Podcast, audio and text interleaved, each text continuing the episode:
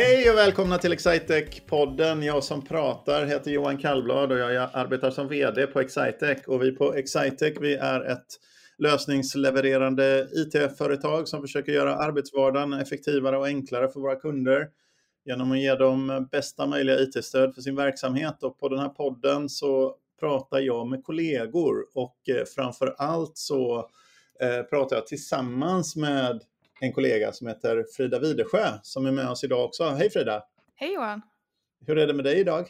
Det är bra. Jag har suttit eh, djupt inne i vår norska webb idag så att, eh, det är skönt att snacka lite svenska nu känner jag. Ja, jag kände att eh, du är lite bitter där för du fick ju höra mig imitera dialekter precis. Och, eh, och eh, med tveksam framgång kan man väl säga. Eller med viss, vad, vad, tycker du egentligen? Eh, jag skulle säga att det var oväntat framgångsrikt. Jag blev förvånad. Så om man någon gång stöter på Johan Kallblad någonstans och eh, det passar sig att fråga om han ska göra en Göteborgsdialekt så kan det nog vara lämpligt att göra det. Vad tyckte du om min Stockholms Söderkis-dialekt? jo men den, den var bra, men jag tror den ligger ändå lite närmare till hands. Är inte den lättare än att liksom naila göteborgska? Ja, kanske är det. Ja. Men eh, du, vi, det är inte bara du och jag som ska pratas vid eh, här idag, utan eh, vi har ju en annan kollega med oss. Ska vi ta och introducera honom? Nu kommer det bli svårt för lyssnarna, för vi har ju en Johan till här. Eh, ja, hej! Hej! Johan M och Johan K. Ja, det, vi, får, vi får försöka lösa det allt eftersom. Det, det går nog bra. Mm. Eh, ja, Johan Moisander heter jag då och är eh, BI-konsult som håller på med klick och Planacy på Excitec. Lite grann som eh, känd från Excitec-podden nummer 142, Erik Gidlund. Eh, ja, det är väldigt mycket som är likt mellan mig och honom, både rent karriärsmässigt och vad vi höll på med. Eh, ja, backa Gidlund två år så, så är, har ni mig där ungefär. Oj, eh. gud vad, gud vad spännande. Men så karriärsmässigt, för jag kommer ihåg om Gidlund, eller vi kanske ska prata om dig nu, inte om, om Gidlund. Men Gidlund han kom ju från någonstans, vad var det, Nässjötrakten någonstans? Det var inte, mm. nej just det, Anderstorp. Eh, ja, någon, någon liten ort där ja. Men du kommer inte därifrån? Nej, jag kommer från Sandared, eh, också en liten ort eh, strax utanför Borås, så nära vårt eh, nyförvärv WooCodes hemtrakter då. Just det. Vad vad är det bästa med att komma från Borås tycker du? Ja, alltså så här, oavsett vart man flyttar så regnar det ju mindre i alla fall. Så det är ju alltid, det är alltid väg uppåt där vädermässigt. Det är väldigt trevligt. Var bor du någonstans nu då Johan? I Stockholm, här strax utanför i Sundbyberg bor jag och min sambo då. Eh, och just nu regnar det ju då, så det, det, är ju lite passande att man pratar om sina hemtrakter eh, när vädret är som det är. Ja, vi pratade ju förut om att, jag bara funderar på det, du pratade ju förut om att du gamear ibland med Erik Gidlund. Det vet ju inte lyssnarna mm. om, för de lyssnar ju inte då, men att du, att du också spelar Dota ibland med, med, med Erik Gidlund. Men jag bara funderar på det, när ni båda bor i Stockholm och sådär egentligen och sen spelar, inte, inte det liksom lite inskränkt? Borde inte ni spela med människor på Nya Zeeland och, och och, eh, jo, men eh, lite grann också, det, det gör vi ju. Eh, jag, jag har lite kompisar i, i USA och Bahrain och Australien. Det, det, eller så här, vi spelade en del ett tag, men det var ofta på antingen den ena eller andras förlust av den anledningen att eh, det tar ju en stund för webbtrafiken och framförallt då för några år sedan när vi spelade mycket så när man sitter där med 500 ping att det tar en halv sekund för att eh, ens drag ska registreras så kan det bli svårt att spela om man ska försöka tävla så att säga. Just det. Men okej, okay, men det var ganska godkänt. Du blev varit ganska internationellt här. här. Det var ingen större, vad heter det, Sundbybergs företeelse. Vad är, vad, om du jämför Sundbyberg med Borås i övrigt då, vad är, lika, vad är, vad är mest likt mellan Sundbyberg och Borås som du inte hade väntat dig? Det, det, är ju lite den här småstadskänslan. Jag bodde ju strax utanför Borås när, när jag bodde där, men jag har även bott i storstäder eh, som eh, Peking och eh, en eh, stad i Sendai, men det kan vi komma till sen när vi börjar prata lite plugg. Eh, men det är ju det att det, det är ganska lugnt ändå eh, och Borås är ju inte världens livligaste stad. Eh, kan också peka på vädret där som en anledning, men Sumpan är, är också väldigt lugn och skön. Förutom på sistone har det varit lite, lite mer sådana här polisutryckningar och liknande. Men i övrigt så är, är det ju ja, det är småstadskänslan. Man känner sig lite som hemma. Vilken sida av järnvägen bor du på? Bor du på liksom eh, den gamla centrumsidan eller den nya där de har byggt eh, södra sidan måste det vara? där de har byggt eh, mycket nytt och så. Ja, jag, jag bor ju mot, eh, mot Solna Solnas Business Park där upp mot Tulegatan om Ja. man kan trakterna där bredvid eh, Skatteverket. Eh, eller eh, Migrationsverket då. Ja, så det är mer de lite, de lite äldre eller mellangamla delarna? Eller alltså de- Precis. Inte den här nya stadskärnan som vi, vi har här i Sundbyberg då. För det känns som de eh, gentrifierar, eller det inte, heter inte gentrifierar när det är ett så, så pass relativt nytt Mm. bostadsområde ändå. Men det känns som det blir lite mer, lite mer hipsters antagligen i andra änden av Sumpan va? Ja, det kan jag definitivt tänka mig och lite mer, lite kanske, kanske lite roligare, eh, vad ska man säga, krogar och liknande. Eh, men eh, jag vet inte, jag, jag, jag, jag gillar att bo, eh, generellt sett om man ska ut och ha skoj så, så slutar det med att man åker in till, in till stan ändå, så då har jag inget emot att bo i den lite lugnare delen så att säga. Vi har ungefär en frisörsalong på vår gata, det, det är det vi har. Men är det så att ni har både tunnelbana och pendeltåg va? Mm, så det är ju väldigt skönt. Eh, väldigt smidigt att ta sig in till stan, tar ju sex minuter när man väl sitter på pendeln. För det, du skulle säga att Sundbyberg det är Stockholms Sandared. Ja, egentligen alltså. Det, det, det, det är ett bra liknelse. eh, Att, Det, eh, det är en liknelse som är absolut värdelös, måste jag säga, i betydelsen att den har absolut inget värde för annat än de 3200 personerna som bor i Sandared som går till ena kant och är intresserade av. Stockholm. Så det men kan behöver de en referens, då, då är vi hemma. ja. men, men vi kanske å andra sidan, för när man pratar så här long tail typ av tänk då, liksom, och, och att gå till hitta en, en smal målgrupp och, och eh, liksom Mark Andresen eh, typ av tes eh, är det väl, så, så eh, så, så ska man ha en smal målgrupp. Och då kan vi, nu, nu kanske vi riktar oss speciellt, vi gör, försöker göra den allra bästa podden som man kan relatera till. Om man bor i Sandared och funderar på. Det kan bli, Ja, det kan bli nummer ett på iTunes eller på Spotify i den kategorin. Det, Det, det tror jag vi, vi kommer bli direkt. Men den här podden är ju faktiskt också ett rätt så bra podd om man vill lära känna dig, Johan Moisander, mer då. Eh, så ska vi inte dyka in på vad du gjorde innan du började jobba med beslutsstöd och eh, planners idag? Jo, men det skulle du kunna göra. Eh, ja, eh, som vi redan varit inne på där så växte jag ju upp i Sandared då, strax utanför Borås, eh, en liten ort och eh, stor del av min tid var ju spenderad strax utanför Sandared till och med eh, på min, vår släktgård så att säga. Så det är där jag sommarjobbat på somrarna och sånt och riktig, riktigt bonde då, höbonde var vi. Eh, tog, hade kor innan då. Eh, och sen började jag på Chalmers efter, en, ja, jag, efter gymnasiet så hade jag en vistelse i Peking ett år där jag lärde mig lite kinesiska och hade ungefär som ett sabbatsår där. Eh, och sen började på Chalmers i Göteborg, pluggade industriell ekonomi. Eh, jag vet att jag är unik på bolaget som har, gjort det och även på den här podden. Får jag fråga en sak här? Jag vill bara stanna upp först. Jag är lite långsam här, men jag funderar på det här med höbonde. Jag har alltid tänkt att hö, att hö är det som blir över. Eh, Men så, man kan alltså koncentrera sig på det. Det kändes lite grann som att vara maskrosodlare. Eh, Men det alltså inte. Men Johan, Eh. vad tänker du, vänta nu här, vad tänker du att hö är för någonting? Mat till kossor. Men det kan ju inte vara, det blir inte över. Halm är ju det som blir över. Halm är det som blir över. Ja, Vad är hö det då? det är gräs. Ja. Okej. Det här, här, här har jag ett stort eh, överhuvudtaget. Eh, så att om, man, jag, om man inte får kvar det, det var någon som sa det för länge sedan, att, jag, att jag, jag, eh, jag gör mig som bäst med ena foten på asfalten. Ja, jo. Det... Ska vi behöva, nu går vi in på allt. Ensilage, vad är det Johan? Ensilage är ju också eh, mat. Det, det, du kan se det som eh, Höts konservburk. Det är liksom motsvarigheten. Är det är det som bra ligger i de här beskrivning. vita, i de här vita plast... Eh. Exakt. Och hela funktionen är ju liksom att det blir liksom konserverat där i så det blir liksom färskt och super-yummy för eh, hästarna och kossorna. ah. Mm. men, det, men det var det hö eller halm som du hade i det? Hö. Hö. man kan ju ha halm fast då blir det ju inte samma grej. Men eh, så att ja. Men hänger det inte sådana små, liksom, typ, ja, som man fick lära sig, så här, vete, råg, korn? Eh, ja, men det, det, det beror ju på lite vad man odlar. Eh, det, det, ko, kor och hästar äter ju ganska mycket hö. Det är, är väl det, så det är mycket den logistiken att packa och ta in och få in det på ett loft och så ska det torka utan att det ska ruttna. Och det var ju de processerna mer.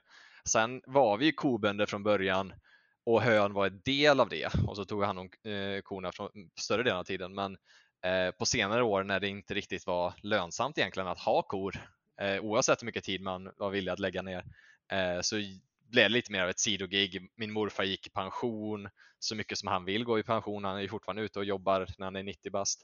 Mm. Eh, och då blev det, ja men höbondedelen behöll vi och nu säljer vi hö till, eh, ja, till olika häst, eh, olika stall i närheten och mm. ifall att det finns kor i närheten också. Då. Ja, men, jag, men då har du i alla fall, eh, Frida, hittat en ordentlig weak eh, spot på mig. Jag ser, ser väldigt glad ut här. Det är faktiskt helt fantastiskt. Låt oss prata mer om vete, Johan. Vete vet jag, det har man i Weissbier. ja, vi, vi, kan gå vidare, vi kan gå vidare. Men industriell ekonomi landade du på Johan eh, mm. då och... Eh, Kina ja. hade vi emellan där. Liksom, ja. Från Borås till Kina innan du har börjat plugga, liksom, hur, hur tänkte du där?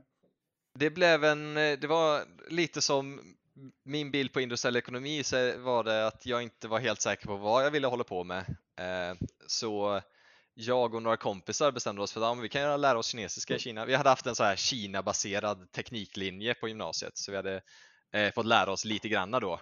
Vilket när vi väl flyttade dit märkte vi att vi hade verkligen fått lära oss, eller vi kom i princip ingen vart alls, men på några månader där så kunde man ju ta sig runt och jag jobbade lite som engelska lärare och kursutvecklare för, ett, eh, eh, för en skola där. Eh, och mest bara överlevde Kina brukar jag säga att jag gjorde. Det var ju första, första gången jag flyttade hemifrån. Eh, precis när vi kom fram så hade vi inte det boendet vi skulle ha fått hade tydligen hamnat mellan stolarna så vi hade inget boende så vi var mm. tvungna att hitta det innan polisen fick tag på oss och deporterade oss och så. Mm. Eh, så det var, det var en upplevelse. Det var ju väldigt, väldigt skoj och väldigt utvecklande men det var ju också som sagt en, en utmanande period kan man påstå första gången man är hemifrån. Ja, första det var väldigt skoj. Ja, de är inte direkt van. Man är ju liksom inte, jag, jag tänker på mina barn nu, de är ju inte de har ju liksom deras eh, ansvarstagande för dem det är att, eh, att eh, liksom släcka ljuset innan de lämnar ett rum ungefär. Det, det, där är de 50-50. Men mycket mer än så är det ju inte. Mm. Ja, men det, ibland, så, ibland så blir det att man får, djup, man får lära sig springa innan man kan gå eller vad mm. man ska säga. Och det hjälpte väldigt mycket att vi var ju tre stycken så vi kunde ju sätta oss på varandra. Hade man varit själv så hade det nog varit desto värre men nu då var det ja, vi ja. satt ju i samma båt så skulle vi bli deporterade så skulle vi i alla fall bli deporterade tillsammans. men vad heter det, de, de, ehm, vad, vad, känner du i efterhand nu då? För nu är det där några år sedan. Men vad har du eh, tagit med dig mest, liksom kunskaperna i kinesiska? Eh, liksom, har du haft eh, glädje och så av dem? Ja, det, det, det jag, jag, skulle ändå vilja säga att det, det är kul att kunna kinesiska, men det är ju mer en kul grej. Eh, jag har inte riktigt haft så mycket nytta annat än att man har haft tillfälle att prata med folk vid sociala tillställningar. Eh, nu har ju den, nu, nu är jag som allra bäst på att säga hej, jag kan kinesiska, har inte pratat kinesiska på länge. Ledsen, jag förstår inte. Det är ungefär den konversationen som det, som, det brukar se ut just nu. Men eh, det som var bäst, eller i alla fall mest tacksamt att ta med sig från Kina var ju det här lite hur man kan hur man ofta kan lösa problemen även ifall det kanske inte riktigt ligger inom ramarna eller de förutsättningar man får. Att det finns liksom, så här ska det gå till. Eh, det var ofta så i Kina att så här, det här är exakta reglerna, får absolut inte bryta på dem och så är det nästan ingen som faktiskt följer dem utan det blir ett praktiskt informellt regelverk som man istället förhåller sig till. Mm -hmm. eh, som, eh, som är då funktionellt och man faktiskt och man kan anpassa sig efter det då istället. Mm.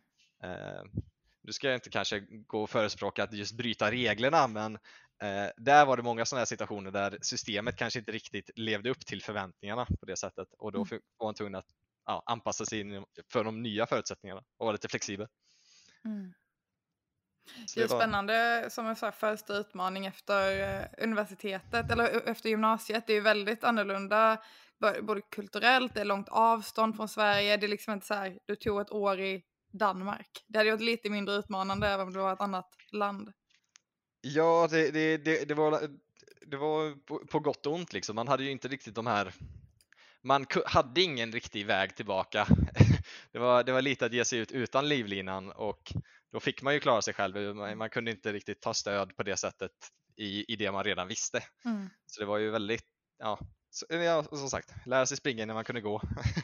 Men eh, hur, nu, nu så här, du har, det är några år sedan, men ser du tillbaka på det som en rolig tid eller en mest utmanande tid? Nej, det, det var en väldigt rolig tid så sett. Det, det, och, men alltså, i efterhand så insåg jag att ja, det fanns många saker som hade kunnat gå fel. Det är väl kanske det som man nu när man är lite äldre och reflekterar över det. Så, ja, eh, det gick väldigt bra eh, och det finns många sådana situationer man stöter på i livet som det går väldigt bra. Eh, men man kanske skulle haft lite, kanske, lite mer riskfokuserat tänk i alla fall när man planerade en resa till Kina på det sättet. Vad händer om de inte har löst boende? För de, de lät lite så här, ja men vi har boende till er, typ. Då kanske man skulle ha frågat en extra gång. Men då var man ju 17, 18. Ja, det löste sig eh, och det var, ju, det var ju väldigt tacksamt. Eh, vi, vi hittade någon eh, som, eh, som kunde engelska som var vår mäklar-mäklare i princip. Eh, som eh, satte ihop oss med, med så vi, vi, vi, vi slutade med att vi fick bo kvar. Tack och lov. Mm, verkligen. Men eh, sen eh, du gjorde det ett år och eh, kom tillbaka till Sverige och supermotiverad och taggad på att ta dig an industriell ekonomi-programmet. Ja, eller det var, det var ett år däremellan också, eh, ska jag erkänna. Det var, jag, jag jobbade som vikarie på, på min gamla högstadieskola faktiskt. Eh, bland annat. Lite ströjobb, testade på, lite, eh, körde ganska, eh, spelade ganska mycket spel rent krasst. Eh, satsa på en, försökte satsa på en karriär i Starcraft, det gick inget bra. Eh, så det slutade med att jag, jag, tog högskoleprovet, det gick väldigt bra på det och sökte in då till Chalmers. Mm. Eftersom det var där min pappa hade gått. Har din pappa också gått industriell ekonomi? Nej, han gick teknisk fysik dessvärre. Vilket eh, jag retar honom för varje dag. ja, eller här retar han dig för att det är mer liksom hardcore ingenjör. Ja, jo, det, bruk, det brukar vara så. Det, det, det är ganska ömsesidigt. Ja, vad härligt att ni retar varandra. Det var givande ju. Men eh, vad heter det, vad, vilken inriktning körde du på uh, utbildningen?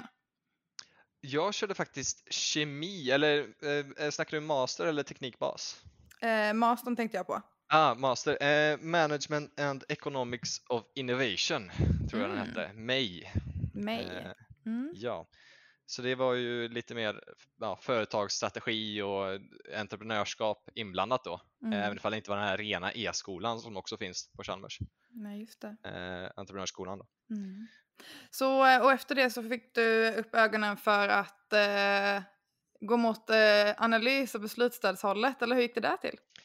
Ja, eh, det, det, det var jag, jag var lite inne på det och jag hörde att ni pratade med uh, min kollega Gidlund uh, om det här också. Uh, hur man hamnar lite på BI. Jag, jag var inte heller så supertaggad på managementkonsult fast jag var även på väg dit eftersom jag inte riktigt hade hittat något solklart. Mm. och så, ja, som sagt, jag, jag, jag fick, fick höra om det här på något, eller höra om Milnet då som det innan förvärvet från ett mejlutskick faktiskt och eh, jag skickade in en ansökan för det, det skadar inte och sen när jag pratade med dem så handlade det mycket om det här med eget ansvar och att ha eget eh, kundkontakt från ett tidigt skede och ja, att åstadkomma mycket på lite var ett tema som jag tyckte var väldigt häftigt, att man kunde ha projekt som ändå var fåtal dagar. Och det var framförallt det som egentligen snärjde in mig. Sen har jag upptäckt att jag tycker det tekniska, att bygga skalbara och smarta lösningar, det tycker jag är väldigt skoj.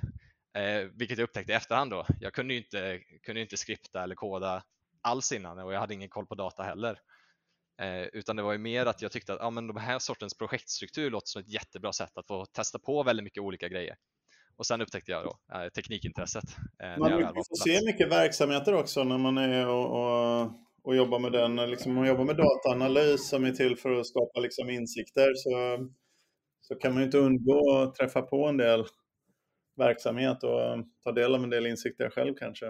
Mm, definitivt. Och, det, och även eh, inom vissa verksamheter att man, eller vad ska man säga, väldigt många olika dimensioner på den här eh, nu mentalt så blir det en tärning som jag ville snurra på olika sätt att se på business då. Att mm. Man kan mm. komma in på hög nivå, man pratar med ja, C-level, eh, företagsgrupper eller ledningsgrupper eller att man försöker liksom hjälpa kassa, eh, ha översikt över kassasystem på marknivå eller lager, lagersaldon mm. och liknande. Så det finns många olika mm. eh, vad ska jag säga, perspektiv på verksamhet och även många olika typer av verksamhet som ändå behöver den här dataanalysen som man kan erbjuda. Just det. Jag Men vad heter det, för, jag har ju pratat med Erik efter vi poddade med honom och han skvallrade om att du har ju spårat in dig mer på Planesy här nu på sista mm. tiden. Vad, hur kom det sig att du blev nyfiken på eh, Planesy? Ja, men Planesy har ju varit eh, eh, det är lite parallellt med jag har ju fokuserat jättemycket på klick här eh, ett bra tag och tyckte det varit superskoj. Eh, och Planesy har känts som ett litet nästa steg att fördjupa mig i eh, i vad jag kan erbjuda och vad jag kan liksom hjälpa mina kunder med mm. på ett bra sätt. Och sen projektstrukturen, återigen, den, den, har även de ganska korta projekt, inte de här längre förvaltningsuppdragen och då har man möjlighet att komma in eh, och leverera någonting på kort tid mm. eh, även där. Eh, sen, sen, tycker jag liksom budget och planering och ett mer verksamhetsnära system som Planasy är alltså att man direkt försöker bygga ett gränssnitt som passar användaren mm. Eh, för input också då. Eh, det är liksom en, ja, ytterligare en dimension att utforska och lära sig mer om. Just det. Eh. För du, vad är Planesy för något om du skulle liksom göra Planesy-pitchen? Ja, jag hade, höll ju ett webbinar om det här häromveckan, så ska se vad jag kommer ihåg. det är ett budget, planering och prognostiseringsverktyg, ett webbgränssnitt som är liksom modernt, som kan ta hjälp av data på högsta detaljnivån så det är en kraftfull motor i bakgrunden då som gör så att man inte riktigt behöver kompromissa som man ofta kan, behöver göra med andra webbgränssnitt. Mm. Där man kan då lägga sin budget på oavsett vilken nivå man är på eller sin planering kan man eh, ja, ha input från sin verksamhet. Eh, lite om man vill styra det centralt eller man vill styra det decentraliserat eller liknande. Men helt enkelt ett, ett verktyg, ett systemstöd, ett BI-verktyg för budget och planering och just. fokusera på just det. Så ska det vara lätt att integrera sen mot ens resterande BI-lösningar. Mm. Är det alltid ekonomisk budget och planering eller kan man även liksom ha, planera andra typer av saker? Nej, det, det, det, det är ju väldigt brett så sätt. Jag, jag inte de projekten jag har varit deltagit i har ju framförallt varit ekonomiska men sen det kan ju handla om HR, paket, eh, om man ska planera andra initiativ och så. Det, det, det är egentligen ja, all budgetering som man traditionellt sett kanske i så fall skulle göra i en Excel eller liknande kan man ju då porta över och förhoppningsvis göra väldigt, väldigt mycket lättare i ett planeringsverktyg då, eller en eller var det svaret på din fråga? Ja, jag undrar också, är det liksom när man känner, nu är jag ju intresserad av Planner här då och inte speciellt kunnig så att jag är nyfiken bara. Men för jag såg nämligen en tillämpning där vi använde det för att planera, eller de, de hade tänkt använda det för att planera eh, inköp, sånt som skulle bli inköp av liksom fysiska artiklar. Mm, precis, så, då, då så inköp, inköp och försäljning både, både in och ut eh, kan man ju planera upp. Även eh, även ifall det är lite tråkiga ämnen, personalomsättning kan man ju planera den och det, det blir kanske lite mer finansiellt då men eh, inköp, lagerhållning, planera hur, hur länge kommer de här sakerna finnas kvar i, i lager, när behöver vi köpa in? Eh, och sen forecasta och köra flera iterationer för att se om går det så här, vad behöver, har vi för förutsättningar då? Går mm. det så mm. här, vad har vi för förutsättningar då? Så det är väldigt smidigt då att ha ett automatiskt verktyg som säger om jag vill bara ändra på den här parametern denna gången och så vill jag ha en nytt scenario, en helt ny situation och bedöma det och analysera det. Mm. Eller så ändrar jag på den här saken den här gången och då är det väldigt tacksamt då att man har all datan i bakgrunden så man inte behöver okej, okay, nu får vi börja om från början för nu vill vi vrida på det här. Mm. Utan man har alla förutsättningar där och sen kan man justera allt eftersom då mer, mer flexibelt i slutprodukten. Väldigt spännande. Men eh, vad heter det, Johan, du, du nämnde ju att du hade hållit ett eh, webbinar förra veckan eh, kring budget och eh, planning och sådär. Eh, har du hållit jättemånga webinars? Nej, det var faktiskt mitt första. Eh, Superledande fråga, precis som att jag kunde veta att det var ditt första webbinar. Hur var det att hålla webbinar?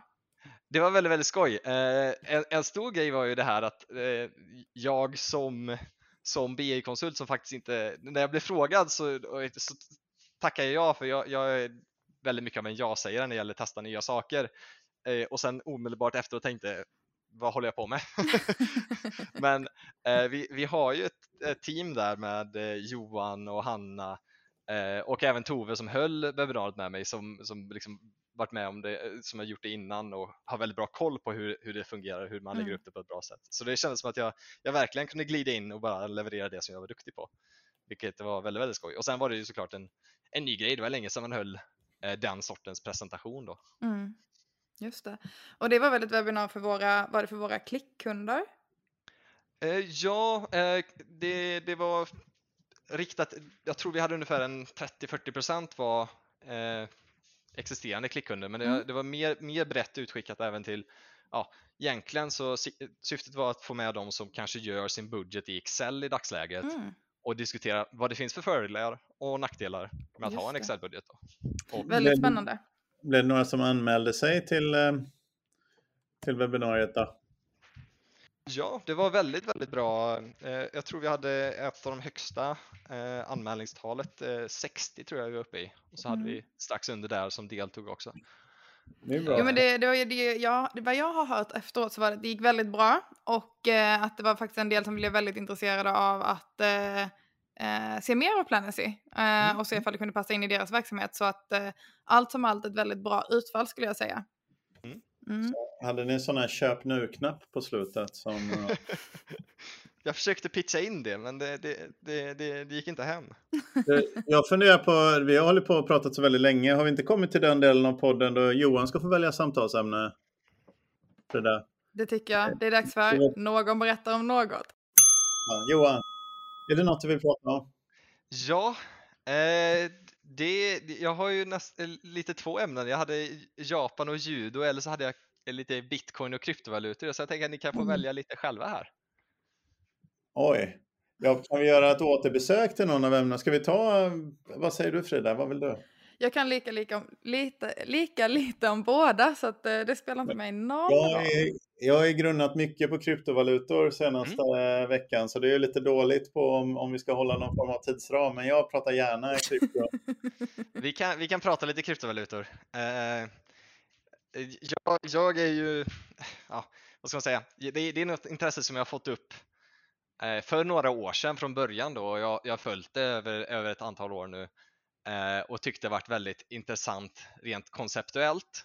Och sen har jag nu på senare, det senaste halvåret ungefär, gått in lite mer i att försöka lära mig tekniken, det underliggande och vad som faktiskt är värdeadderande med den här decentraliserade valutan och även nu då det här som de kallar DeFi, vilket är decentraliserad finance. Då. Ehm, och för de som inte vet så bitcoin är ju eh, då som är den, den stora kryptovalutan som vi kan, vi kan börja med att förklara lite om vad det innebär.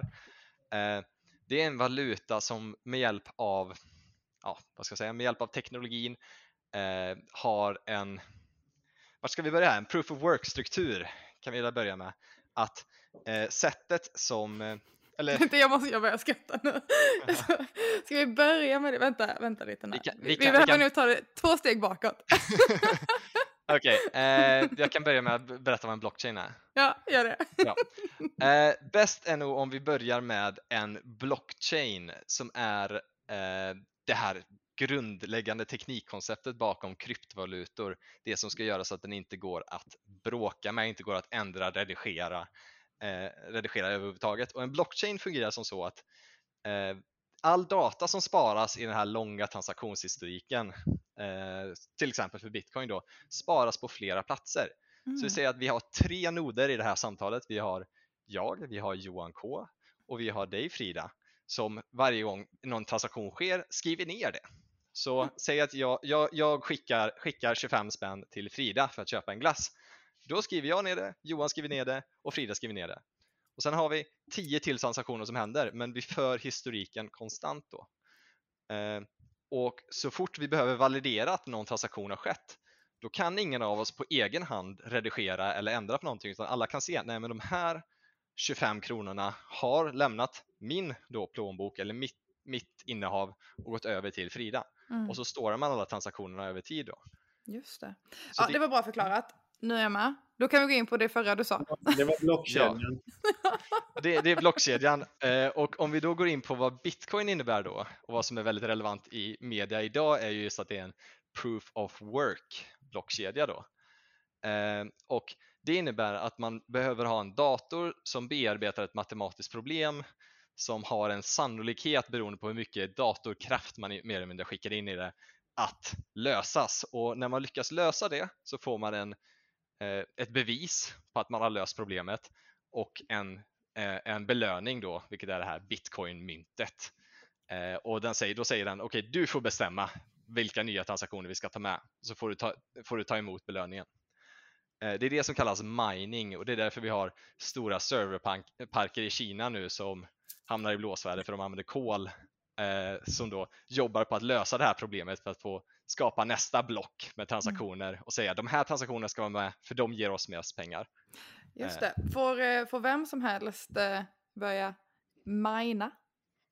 Ja, egentligen så är det, ja, eh, ja med, med en liten brasklapp att i praktiken så är det kanske inte lämpligt för vem som helst men eh, konceptet, grundkonceptet var tanken att alla skulle ha möjlighet att vara med som en nod då.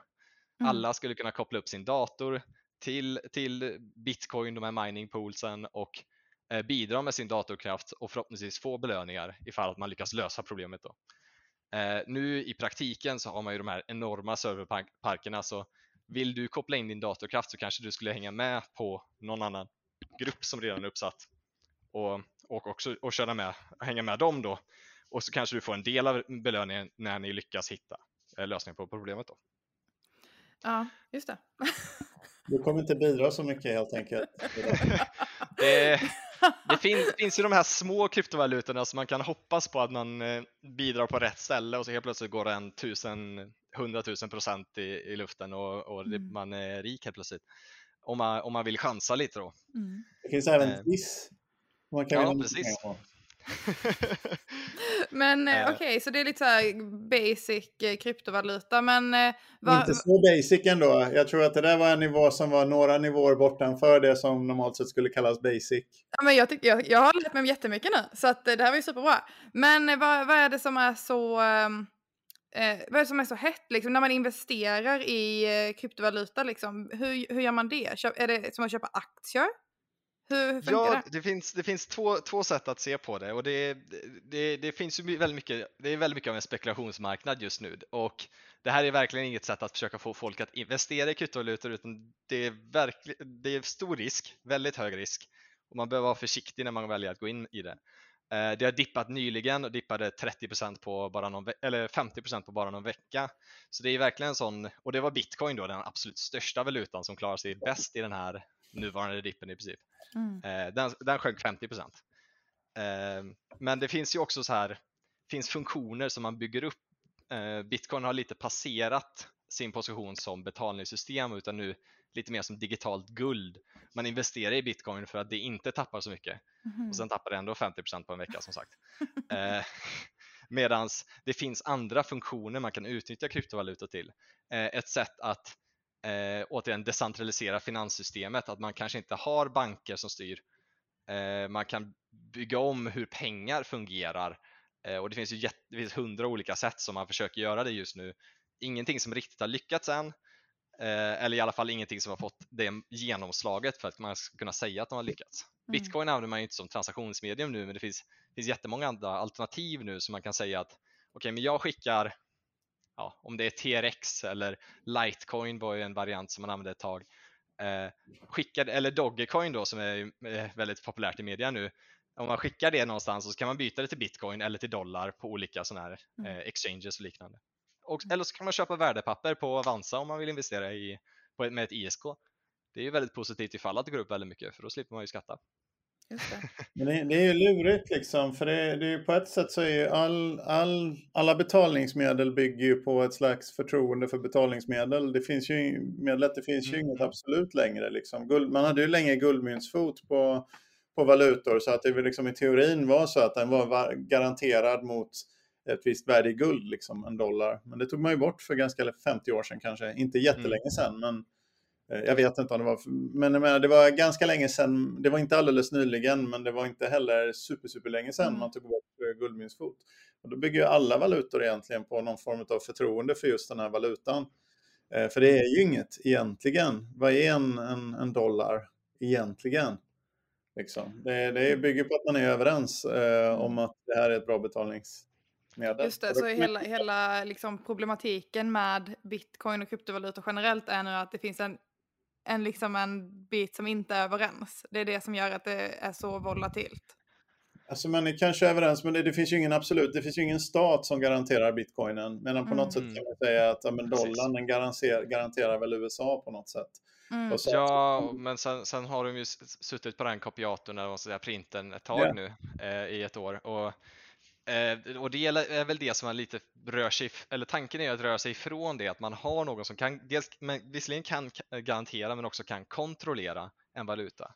Att mm. eh, decentraliserade valutor, det är ju egentligen bara kod. Det är ett protokoll som man sätter sin tillit till och om man synar det i sömmarna så kan man ju liksom få hela sanningen om hur det faktiskt fungerar. Och tanken är att investeringarna i kryptovaluta eh, ska vara tillitslösa på ett sätt. Att man, du, du, litar bara till att koden ser ut som den gör och fungerar som den gör. Eh, och sen också att eh, säga att du investerar i en valuta som har ett syfte, då ska du ju få en värdeutväxling när du använder dig av den valutan eller investerar i den. Till exempel att du kanske sen använder valutan för att liksom förse, förse ja, likviditetspooler kanske vi inte ska gå in på, men att du har liksom syftet med valutan ska också eh, ska motivera den kostnaden som det innebär att använda den så att man har liksom en värdeutväxling som inte är baserat på att okej, okay, men alla säger att det här är värt det också. Så det finns, det finns ju två sätt, men all valuta har ju egentligen mm. den. Men det, det är faktiska värdet. Jag tror att vi behöver ett specialavsnitt om bitcoin här, men det är ju ganska intressant. Men jag tror om på en, ett enkelt nivå, om man inte förstår sig på speciellt mycket, kan man åtminstone tycka det här, precis som du pratade om, att den här begränsningen, bitcoin, det finns ju det kan bara, det, i det protokollet liksom kan det ju bara göras 21 miljoner mm. enheter. Eh, och då kan man säga att den begränsningen är att det går inte att slå på, om fler och fler vill ha bitcoin så kommer priset gå upp därför att det går inte att tillverka fler än, mm. än vad Precis. protokollet sätter begränsning för, medan centralbanken i USA kan trycka nya dollar.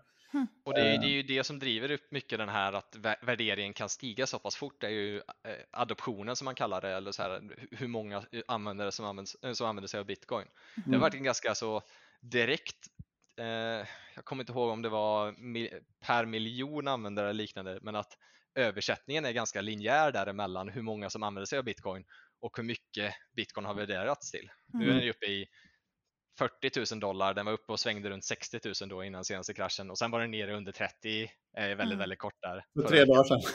ja.